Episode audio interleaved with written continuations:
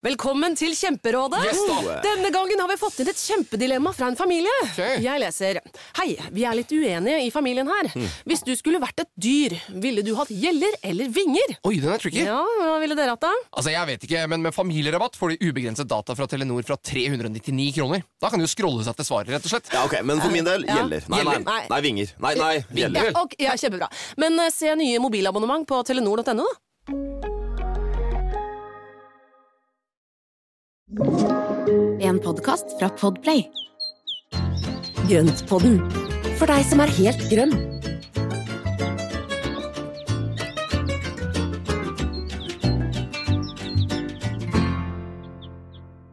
Hallo, alle sammen. Velkommen til enda en episode av Grøntpodden. Hallo, Espen. Hei, Marianne. Er Nå så- er vi i gang igjen. Ja, du er så på- pre-påskejul. Du Jeg vet hva, jeg liker påskekylling, så jeg har Ja. fått altså en superfin genser, hettegenser av min kjære. Ja, det så Og der godt. er det blomster på ryggen, og så står det 'Love and Order'. Uh, Så kjærlighet og orden, det skal det være. da. Og gul som en påskekylling og skinner sammen med sola. Så Ja. det, der har du meg i dag. og nyklipt sveis. Det er så fint, så. Ja da. Jeg ja, ja. prøver liksom fikse litt på fasaden, sånn at jeg ser fin ut for blomstene. Litt sånn vårfiks. Mm. Du, I dag så tenkte jeg at vi skulle presentere oss ordentlig, for det gjør vi av og til, i tilfelle det har Ja. kommet noen nye lyttere. Ja. Nei, det var feil. Siden det stadig vekk kommer nye lyttere, så må vi av og til Ja. presentere oss ordentlig. Det var mye hyggeligere sagt for oss. Ja. Eh, skal du eller jeg begynne? Meg er kortest. Du- Ja. Det, Amatør. Jeg har så mye, jeg mye jeg skulle ha sagt, ikke sant. Jeg heter Marianne og er Mm. eh, glad amatør i hagen. Eh, bor på en gård i Syd-Sverige. Eh, og eh, får masse tips og råd fra Espen. Eh, og det var jo det som var grunnen til at vi starta denne poden her. Ja, det stemmer. Og jeg heter da Espen, Espen Skarphagen, og står bak nettstedet Skarp i hagen og tilhørende sosiale mediekanaler. Drevet med blomster stort sett hele livet, og utdanna på Beder gartner- og dekoratørskole i Århus for en mannsalder siden. Og har drevet med ja, alt som ikke alt, men veldig mye av det som kan spire og gro, har jeg vært borti. For jeg har testa ut veldig mange retninger gjennom årenes løp. Så øh, vi snakket ganske tidlig om at det kunne vært gøy å starte en podkast, fordi det var så mye gode diskusjoner som vi hadde. Når du spurte om eh, tips og råd om det som skjedde rundt på gården hos deg, og så, og så ble det som det ble, og nå er vi snart på episode 70, faktisk. Herregud, vi har jubileum neste uke. Ja, Fantastisk. så Oh. denne uka er 69, og så Ja. kommer episode 70. Ja. Så det går unna, altså. Så har vi da etablert et kjempegodt nettverk av trofaste lyttere, og eh, gamle og nye er like velkomne. Og Mm. alle har, så- eller veldig mange har så mange gode spørsmål og tilbakemeldinger at det er en fryd å holde på. Ja, Det er veldig gøy, det her. Lærer Mm. noe hver, eh, hver dag, holdt jeg på å si. Hver uke i hvert fall, når jeg snakker med deg. ja. Og det er i like måte, og det er jo noe med at jo mer vi gjør dypdykk, og når vi får spørsmål, og når vi Mm. da gjør dypdykk og må liksom forklare en del ting, så lærer vi jo utrolig mye sjøl også. Mm. For det er jo noe med det at vi må liksom skjerpe oss litt og, og, og sette oss inn i ting hvis det er noe vi lurer på, eller hvis man da skal liksom vite litt ekstra om noen ting, sånn som dagens episode som du har eh, egentlig borget godt for, og- og jeg er veldig enig i. ja. Altså, det var en veldig smidig overgang, Espen. Kjempefint. Ja, var det ikke det? Ja. altså, i dag så skal vi snakke om eh, erteblomst, eh, blomsterert, luktert. Luktert. Altså, vi har jo funnet ut at det heter det meste. Det latinske navnet er Latyrus odoratus. Ja, Var det riktig sagt? Det er riktig. Altså, jeg kjenner at når, når jeg, får- litt sånn ordblindhet når det gjelder ø, latinske navn. Jeg kjenner litt sånn, litt sånn stressfaktoren på det. Men det heter altså Latyrus odoratus, og de er jo fantastisk fine, da. Herregud. Men det er jo ingen sommer uten latyrus. Altså, det går ikke. Nei. Nei, jeg er helt enig. Tenk å det å stikke nesa inn i en, en nyplukket bukett med lukterter. Mm. Det er jo fantastisk, da. Det er helt, helt fantastisk. Og der kommer det til noe som vi skal komme litt inn på når jeg skal ta dere gjennom litt historie. Ja, Marianne, du har jo gjort en hel haug med research, så jeg gleder meg veldig til å, å, å få høre mer om uh, historikken her. For jeg, jeg har jo dyrka en del av disse her, men det er mye av historien som jeg ikke har peiling på. Ja, jeg visste heller ikke så veldig mye før jeg satte meg ned og leste litt. Det er jo, som med alle planter, så er det jo så spennende.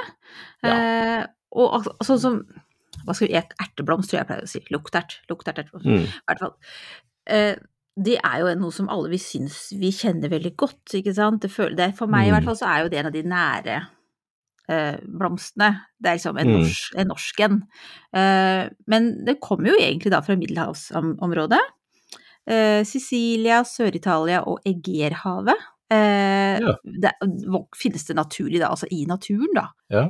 Og da lurer jeg med en gang på om det da er, det kan, da er det jo ikke ettårig der, da må det jo være Jo, det kan det jo være, og så bare detter frøene ned, og så kommer det opp igjen. Ja. Ja, for da Ja. kommer jo nye frø, de frør seg jo videre rundt omkring. Og det er faktisk i Norge så er det spredd seg til naturen. Jeg tror du har funnet, var det som jeg leste, 10-14 registrerte tilfeller hvor det har vært i naturen, og det er jo bare fra hage, egentlig. Mm. Men det er ikke invasive, da, for jeg kommer Nei, nei, nei, nei, er ikke det hele det er ikke så veldig mange av dem ennå. Men det var i hvert fall en munk som jeg nå ikke husker navnet på, men han var italiener, og han tok med seg frø nordover i Europa til England, de britiske øyer, i 16, eh, 1696. Eh, og Det der, er gammel, altså. det er gammel, ikke sant? Oi, oi, oi. Og, den, er Ja. blitt, og den ble jo da, først når den kom dit, så var den jo altså litt mer beskjeden. Det lukta godt da, og det var søte små blomster, men det var jo ikke sånn som vi kjenner den i dag. Mm. Eh, og så ble den da aktivt dyrket opp og, og på en måte videreforedlet utover 1700-tallet. Der det ble etter hvert flere farger, og det kom også tofargede varianter. Men for alvor så var det en skotte som het Henry Eckford, som i slutten av 1800-tallet eh, da og jeg vet ikke disse ordene, kultiverte han fram, krysset, jeg vet ikke helt Ja. hva man gjør, men noen sånne ting. Ja. Så det ble større. Krysset fram, Ja. krysset fram nye kultivarer. Nydelig, takk. Han krysset fram nye kultivarer, som jeg pleier å si, eh, eh, med større blomster. Og mer sånn bølgete, altså frilly tror jeg det sto på engelsk, altså litt mer sånn, ja, du vet. Litt frynsete og liksom bølgete i kantene. liksom.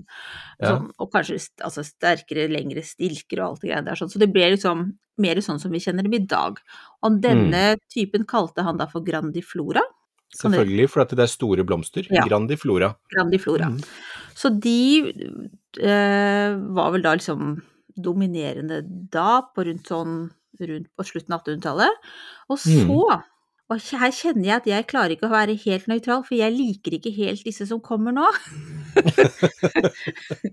og det var altså på begynnelsen av 1900-tallet så dukker en ny gjeng opp. Altså du hører at det her er da ikke en, en, det er ikke en blomsterperson som, som bruker Nei. ord her, men det kom en ny gjeng, Spencer-varianten, som ble dyrket frem på Althorpe, tror jeg det heter. Det er da Ja, familiegodset til prinsesse Diana og hele den gjengen der. ja. Og disse har en, fikk enda større blomster og enda lengre stilker, altså sånn prakt. De ser praktfulle ut, ikke sant? Skulle bare være enda større, de. Enda større, og de er jo perfekte for altså, nydelige oppsatser for hvis man konkurrerer. Britene elsker jo å konkurrere om grønnsaker og blomster, ikke sant? Så Ja. for dem så var jo det her knallviktig. Mm. Men de lukter ikke like mye som grandifloraene. Og det er det jeg ikke... Det er nedtur. Det. Ja, det, er nedtur. og det er grunnen til, at jeg, grunnen til at jeg er litt sur på dem, er jo det at jeg ikke visste om det før jeg bestilte i fjor. Det, kan, det er jo ikke de stakkars blomstene sin skyld, men jeg sto jo og ved, gikk rundt blant dem og venta på godlukt, og det kom jo liksom ikke før. Ja, for vi snakka jo om akkurat dette her i fjor, Ja. og da skjønner vi hvorfor det var så lite lukt på de. Det Yes. er jo, så de er jo mindre duftende, Ja, disse spenservariantene. Ja Spencer-gjengen, Mm. de er litt kjipe på duften, men de er pene, da. Så De er pene å se på. Ja. Ja. og så utover, og så ble, disse, og så ble de så dominerende, så grandifloraene holdt nesten på å forsvinne fram til Altså det her, det er da en mann som heter Peter Grayson som får æren, jeg regner med at det var noen flere enn han, men i hvert fall på Mm. 1980-tallet så begynte man da å dyrke frem eh, hva blir det, nye varianter basert på Slik historien er, sto der, så var det det at han hadde fått kjøpt en gammel nedarva grandiflora fra en australsk familie. kan dette Oi. være riktig? Og så har han begynt å foredle videre på den. Hvis det er sant, så er det jo en fantastisk historie. Ja. Eh, og i dag så er det jo mange også grandifloraer på markedet, ikke sant. Mm. Eh, og de dufter jo godt også. Og, og man har jo etter hvert nå klart å både få duft og lange stilker og store blomster, og altså Da kan man jo egentlig få full pakke. Men tenk på det foredlingsarbeidet og den ivaretagelsen som har skjedd gjennom flere hundre år. Helt fantastisk. Er ikke det rått? Ja. det er jo helt rått. Ja. Og så er det liksom det litt er jo- beskjeden, liksom. Han Peter Grayson, han har jo ikke noen nettside. Han kan man ta og ringe til og kjøpe frø. Det syns jeg er ganske fint. Men du har jo også din favorittleverandør, som da har disse små frøpakkene som du fortalte meg om også, som jeg ikke husker nå, som eh, Ja, i Sverige. Ja, nei, ja. Først så har jeg Roger Parsons, som jeg vil tipse om, som er brite. Mm. Han har, eller han, det er sikkert et firma, da. Jeg liker å se for meg en litt sånn skakkjørt brite med briller i, og hvitt hår i hagen. Så han Roger sixpence. Ja, ikke sant. Han Roger han har 1300 varianter. Og det er noe som britenes nasjonale samling av lukterter er da i hans sortiment. Altså, vi må jo reise dit. Ja, hadde ikke det vært gøy. Jo. Og han har også de der flerårige variantene og og litt sånne forskjellige ting, vet du. Så han har masse. Mm. Så det er absolutt verdt å gå inn på nettsiden hans. Veldig morsomt å se. Ja, så morsomt. Ja. Ja. men det er jo helt vilt. Og det er jo det, altså når du tenker på så mange varianter, så er det jo noe for enhver smak. Absolutt. Og jeg må si at det der med lukt, eller at det er god duft på de, det er kjempeviktig for meg også. For at det er jo Mm. noe med den duften av sommer, og det vekker sånne barndomsminner. Og mamma har jo alltid hatt erteblomster så lenge jeg kan huske tilbake. Og det er jo noe med at når de da begynte å blomstre og ble plukka inn i buketter, så altså det, det, det, det er ikke noe som er bedre, altså. De er sy- så fine. Jeg syns liksom jeg kan kjenne det nå når vi bare snakker om det. Ja. Det er fantastisk. Det er litt sånn å, det er så søtt og herlig. Nydelig. Ja, det er ikke for kraftig og ikke for Nei. søtt og ikke for Altså, er, den er bare helt perfekt, altså. Ja. Litt lyst til å drikke det. erteblomster. Ja, liksom, liksom bare som å slurpe slurpe det i seg. ikke sant. Men siden du nevnte er... hun svenske, skal bare si det at hun heter Cecilia Vingård. Så hun selger jo også øh, frø. Nå har jeg prøvd begge, nå har jeg sådd akkurat. Nå har jeg prøvd begge to, så får vi se hvem som fungerer best. Så Mm. det er også et tips. Men det er utrolig mye spennende varianter og sorter, og det er liksom både Mm. tofarva, enkeltfarva, disse bølgede kronbladene.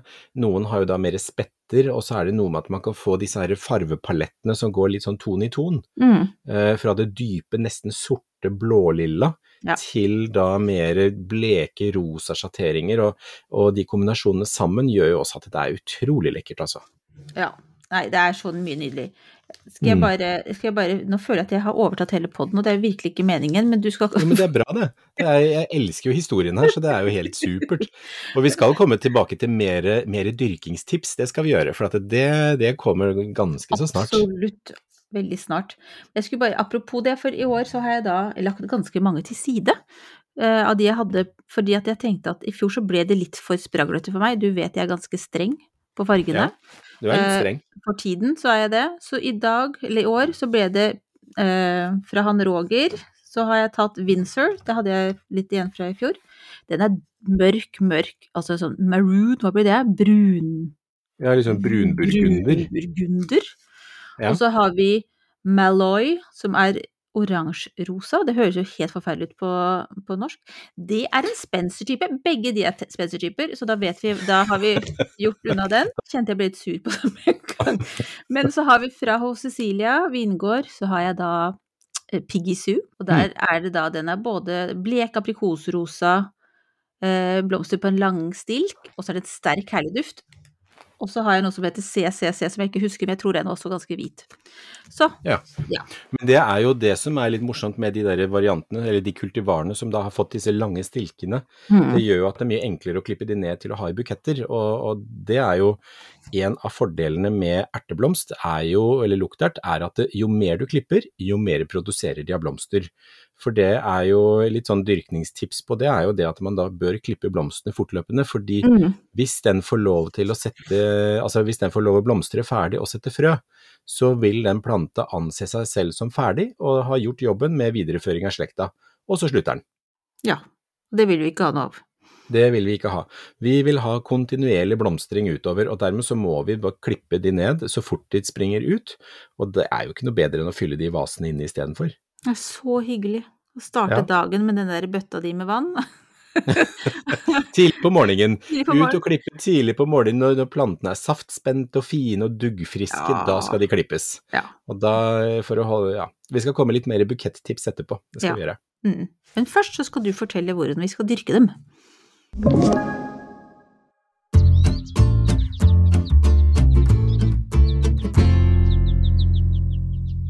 Yes, Espen. Nå skal vi da imponere med våre dyrkekunnskaper. Ja, ikke sant? En liten gartnerspir er født. Det er egentlig ganske greit med forkultiveringa, som det heter. Forkultivering, det er det noen som spør om. Forkultivering betyr egentlig bare å dyrke plantene litt i forkant, før vi setter de ut. Mm. Sånn at det bare, så vi etablerer det litt først. Ja. Og vi gjør det Hvorfor gjør vi det? For at vi skal få raskere blomstring, Ja. og at vi skal få sterke planter som kommer ut i bedet, og dermed så kommer kjappere i gang. Yes. Så forkultivering er en god ting. Ja. Det er enkelt, og det er supert å gjøre det. Ikke noe Ja. å være redd for. Nei, så det er bare å dure på. Det som er litt greit med erteblomstene, det er at de skal jo da sås Hva er det de sier da? Uke tolv, det er derfor. Egentlig uke tolv, ja. Så det er veldig bra, og da bør man beregne sånn fire til seks uker med forkultivering før de plantes ut, for at de skal ut når det er frostfritt, Mm. egentlig. I fjor så gjorde jeg en test med litt annen vri, og det er å da så erteblomstene, så frøene i jord. Da, jeg har jo alltid pleid å legge de i bløt, men det er jo egentlig ikke nødvendig med de sortene som er nå, så man kan enten bare skylle de, eller så putte de rett i jord, og så vanne godt. Og etter det så tok jeg da og lot de stå inne på benken og spire. De skal ikke ha undervarme, og de skal ikke ha det for varmt, for hvis de får det for varmt, så spirer de dårlig. Så heller mot det kjølige temperatursjiktet enn for varmt. Mm. Og idet de begynte å titte oppover bakken, så satte jeg de ut. Og da fikk de stå ute i sludd og regn, og det var også litt snø.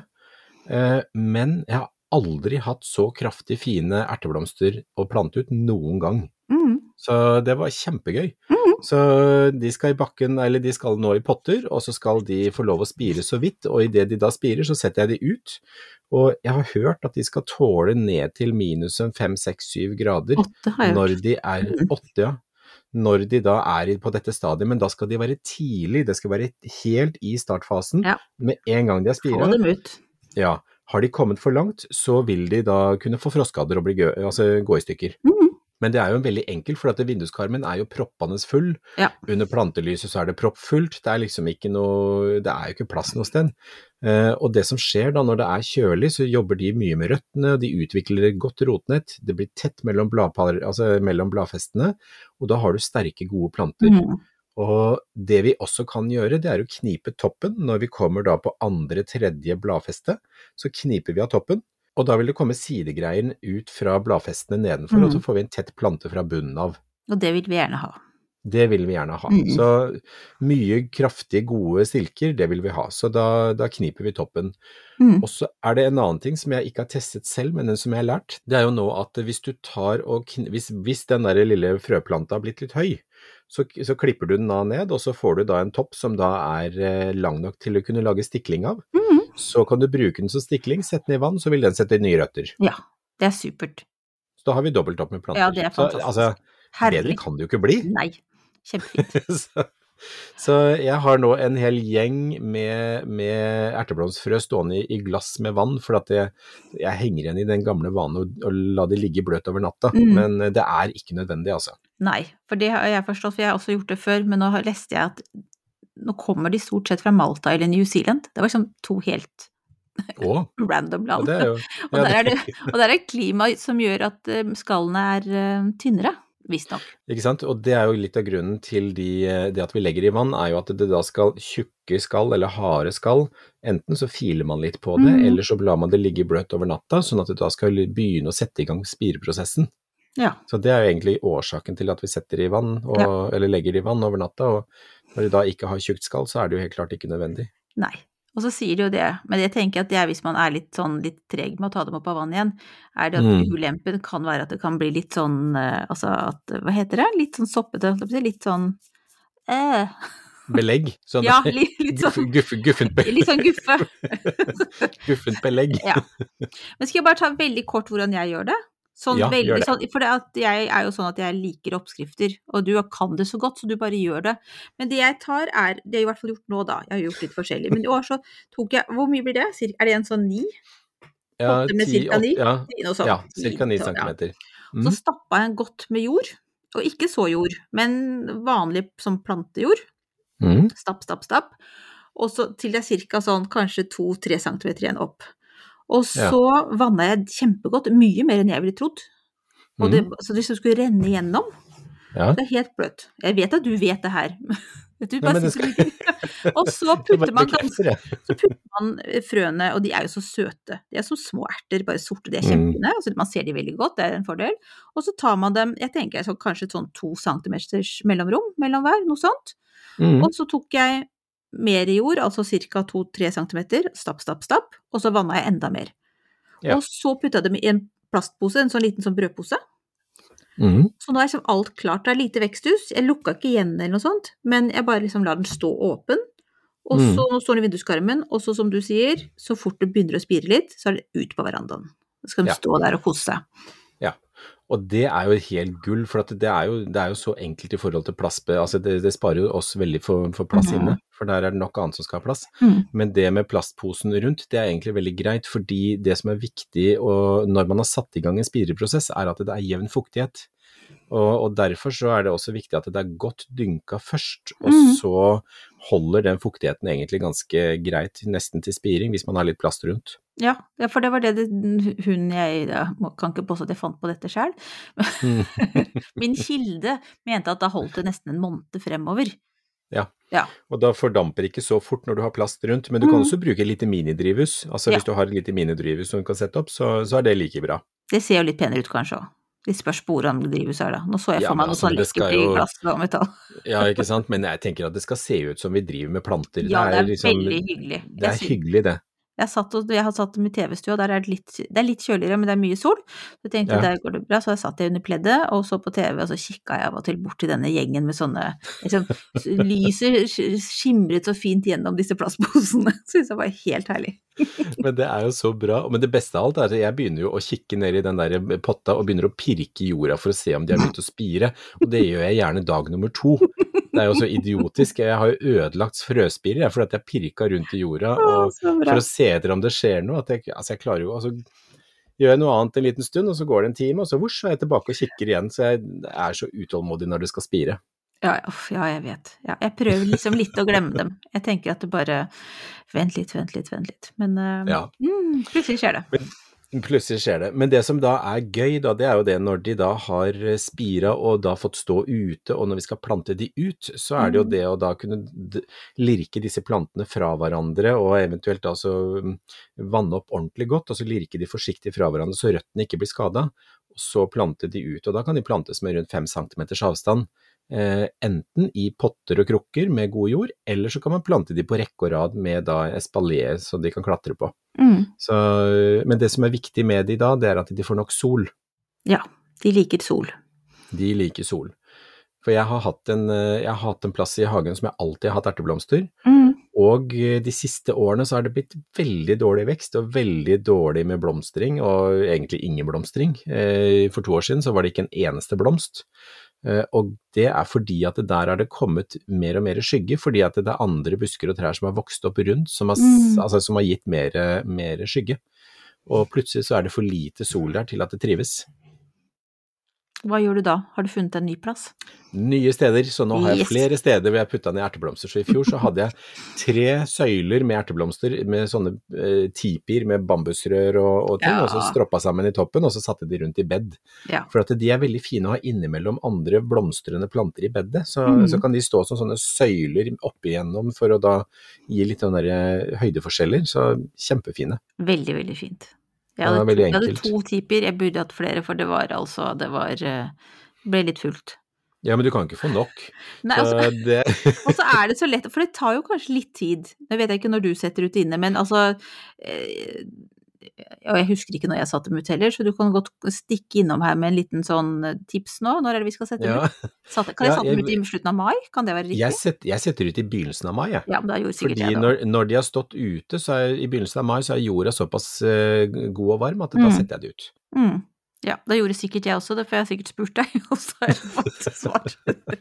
Men i hvert fall da, når du ser på, de er jo ganske sånn, altså de er jo ikke, gjør ikke så mye ut av seg i begynnelsen.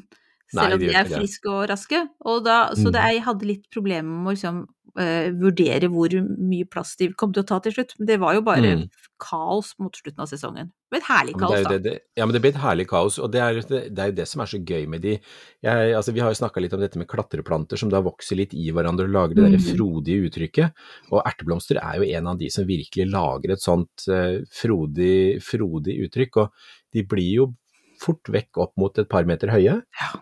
Eh, og så er det viktig at man gjødsler de, at det fortsetter å gjødsle jevnlig utover sesongen. for at det, Mm. Tenk deg en plante som skal levere så mye vekst og Ja. så mye blomstring, så kreves det en del, en del gjødsel, altså. Så gjødsle jevnlig. Jeg hørte et tips et sted om at først så skulle man gjødsle for å få vekst og liksom grønske, og så skulle man gå over til da, hønsegjødsel, som tydeligvis ga mer blomster. Mm. Eh, Høres det riktig ut? Det høres egentlig riktig ut, og i tillegg så er hønsegjødselen kjempefin for mikrolivet i jorda. Mm. Og det er jo noe vi er veldig opptatt av, det er jo det å bruke altså naturgjødsel Mm. er, eh, er veldig, veldig mye bedre. Så, så da vil man også mate opp jorda i mye større grad, og Mm. belgfrukter og erteblomster også er med på å binde nitrogen i jorda. Så det, er det kan også være bra for andre planter som skal stå på, på den, det området i jorda seinere, da. Mm. Så er det jo det at det, du får en veldig nitrogenrik jord. Mm. Og, og det er jo en del som også bruker belgplanter til eh, sånn um, eh, grønngjødsel, altså Ja. grønngjødsling, at du sår utover og så pløyer du ned plantematerialet i jorda, Mm. og så har du hele jordet et år brakk før du da planter inn nye ting. Så Ja. det er mange muligheter å bruke da belgfrukter og Mm. til noe sånt. Så det er ikke bare pene og lukter godt. Nei, så de gjør nyttig, også god nytte, så, og det beste nytte er når du da plukker den inn i vase og ja, koser seg med den hele sommeren, altså. Å, det er så herlig.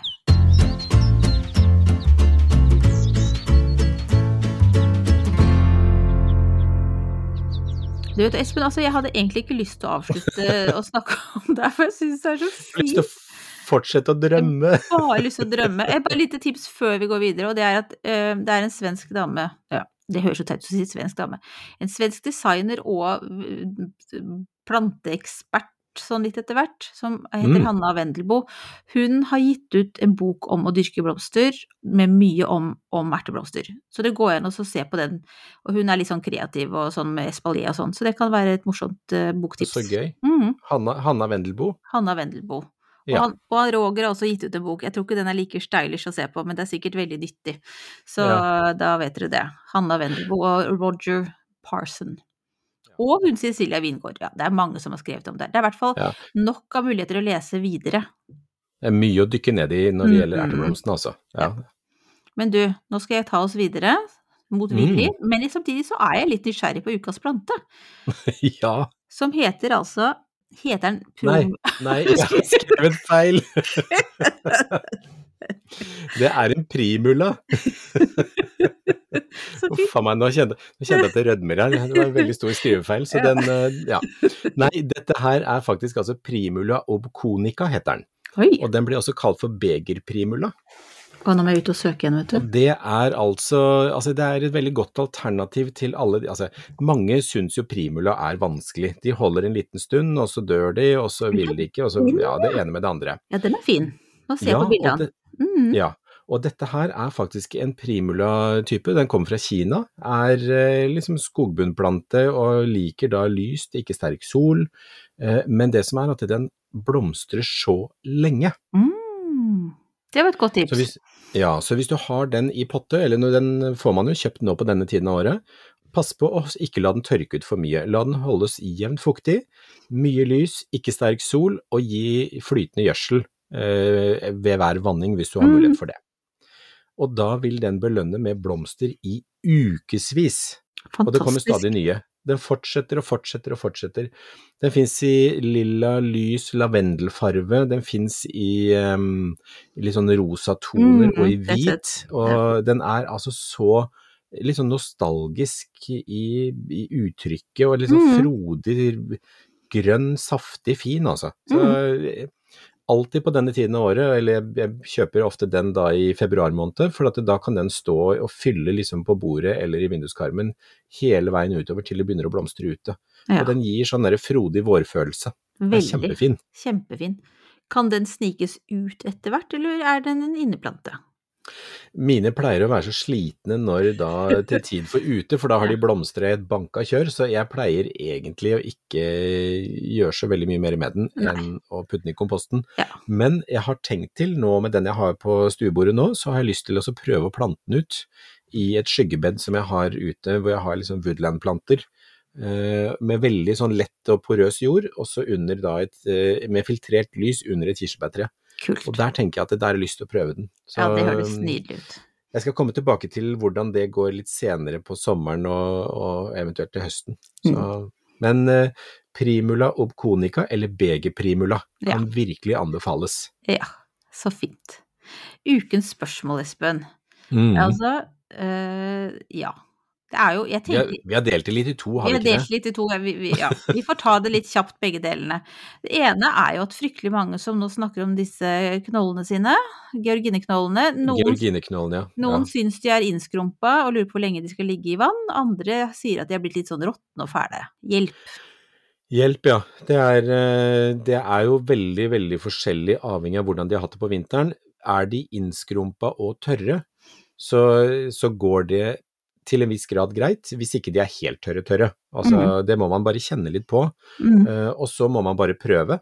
Uh, Ja. Og det er som jeg sier ofte, at det, prøv, se hva som skjer. Ja. For at det er ikke alltid at det, det er noe ordentlig godt svar på det, men la de ligge i Altså hvis de er innskrumpa, så la de ligge i vann over natta, og så plante de. For at det er Altså, det at de får ligge i vann over natta, det kan sette i gang en sånn, eller trigge spireprosessen på det, at de begynner å få aktivisert vannopptak igjen, og at de begynner å trekke til seg vann. Mm. Eh, og så plante de i potte med jevnt fuktig jord. Ikke våt jord, men altså at den er lett fuktig. Ja. Bra. Så vær litt forsiktig med vanninga etter at de har fått det der vannbadet, for at Ja. den, skal ikke være, den skal ikke være for bløt, for da vil den råtne. Mm. Og så er det noen som har oppdaga at det er mugg på stilkene, og hvis det er øverst på stilkene, på de gamle fjorårsstilkene, så er det ikke noe å bry seg om. Da kan det klippes av under, og så kan de da sørge for at den overgangen mellom stilk og knollene er intakt. For der vil de nye spirene komme fra, og det er jo det Mm. som skal danne veksten for i år. Mm. Så, så jeg tenker at det, bare prøv, Ja. se hvordan det går. Og er de råtne, så er det ikke noe håp. Da er Nei, da rensker du dem bort, så Ja. klart. Ja. Så alt som er råttent, det skal bort. Så det er bare friske, rene knoller som skal ned i bakken. Mm. Bra. Mm. Spørsmål nummer to er jo mitt, eh, og det er flytting av et ginkgotre. Som da står altså som en liten pil, stakkars, rett opp og ned mellom to svære busker. Og vi hadde besøk av en veldig hyggelig mann i dag som hjalp oss med å klippe en hekk som ikke vi har klart å klippe ordentlig sjøl. Og Ja. han sa det, kanskje den skulle flyttes. Og da tenkte liksom vi at ja, men det kan vi da klare sjøl. Men så tenkte jeg Mm. etterpå at ja, det er ikke sikkert vi klarer. Så bare noen sånn veldig kjappe tips om hvordan man flytter et tre. Ja, og flytting av tre eller busk, det er jo, det er jo en litt større operasjon. Og det kommer litt an på hvor lenge treet har stått der. Mm, Eh, hvor gammelt det er, og hvor stort rotnettet er. mm, Hvis ikke det er så veldig stor krone på det, og hvis ikke det har blitt så mye sidegreiner og, og, og sånn, så kan det hende at rota heller ikke er så veldig stor. Og eh, uansett hvordan du vrir og vender på det, så må du få med deg så mye rotklump som mulig. mm, Grav ned en sirkel i god omkrets, og så begynne å spa deg nedover. Kutte røtter og komme i gang, og så få komme seg så dypt ned som mulig, og så jekka opp dette treet. mm. Det er veldig lurt å gjøre det nå før bladene setter i gang, og før veksten har kommet i gang, Mm. fordi da vil den tilpasse veksten i forhold til rotmassen. Ja, ok. Fordi Så det er vi jo du- i gang med, da. Ja, bør gjøre det nå. For at hvis du Mm. flytter et sånt tre når det er i full vekst, så, så vil det være en kjempestor belastning for treet. Mm, Og det- altså hvis du da har stor rotklump, eh, jekker den opp, flytter den nå på denne tiden her, før bladene springer, og så klippe tilbake litt av toppen. Altså rot og topp henger alltid sammen. Ja, ja. Kutter du mye røtter, så må du kutte også en del av bladkrona, eller av det som er over bakken. supert. Ja, men du, da føler jeg meg litt rusta. Nå vil vi bare finne et sted vi skal plassere det istedenfor. Ja. Nei, men Så bra, da, men da kan du flytte treet. Så det er, jo, det er jo det du kan gjøre i neste ettermiddagene, er å begynne å grave en ring. Så det er bra. ja, ja. Men hva skal ja, du gjøre ellers, bortsett fra å grave, grave opp et Ja, ginkgotre? Ja, du, én ting til på lista. Ja, du, nå har jeg jo da altså både egentlig lyst til å skryte, for nå har jeg altså ordna med erteblomstene. Og så har jeg fått noen knoller i, av georginene til forkultivering. Og så kom jeg jo på at jeg har flere på vei.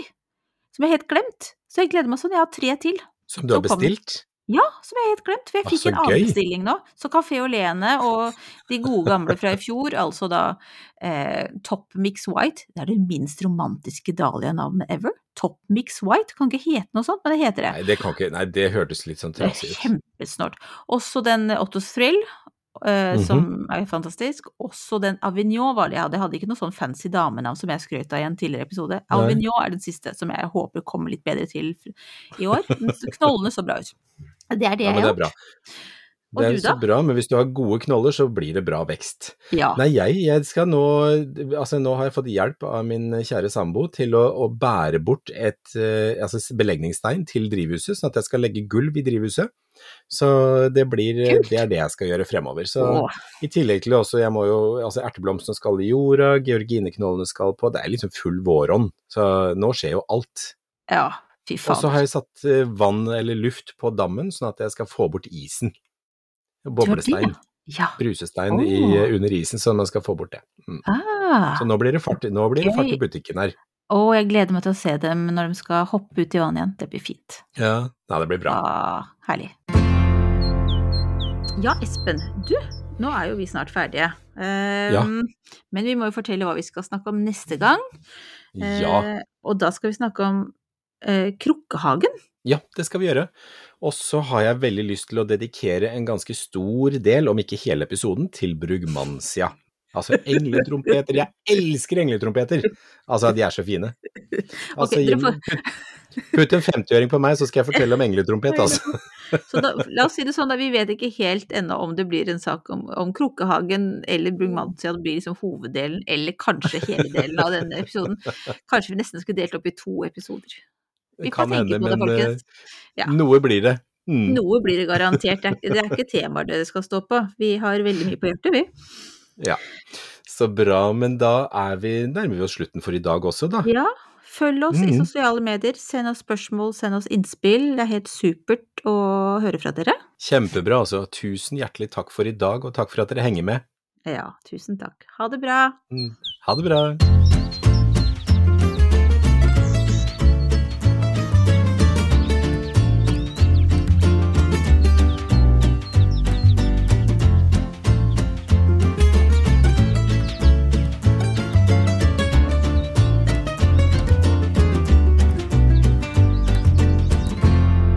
Du har hørt en podkast fra Podplay. En enklere måte å høre podkast på. Last ned appen Podplay, eller se podplay.no.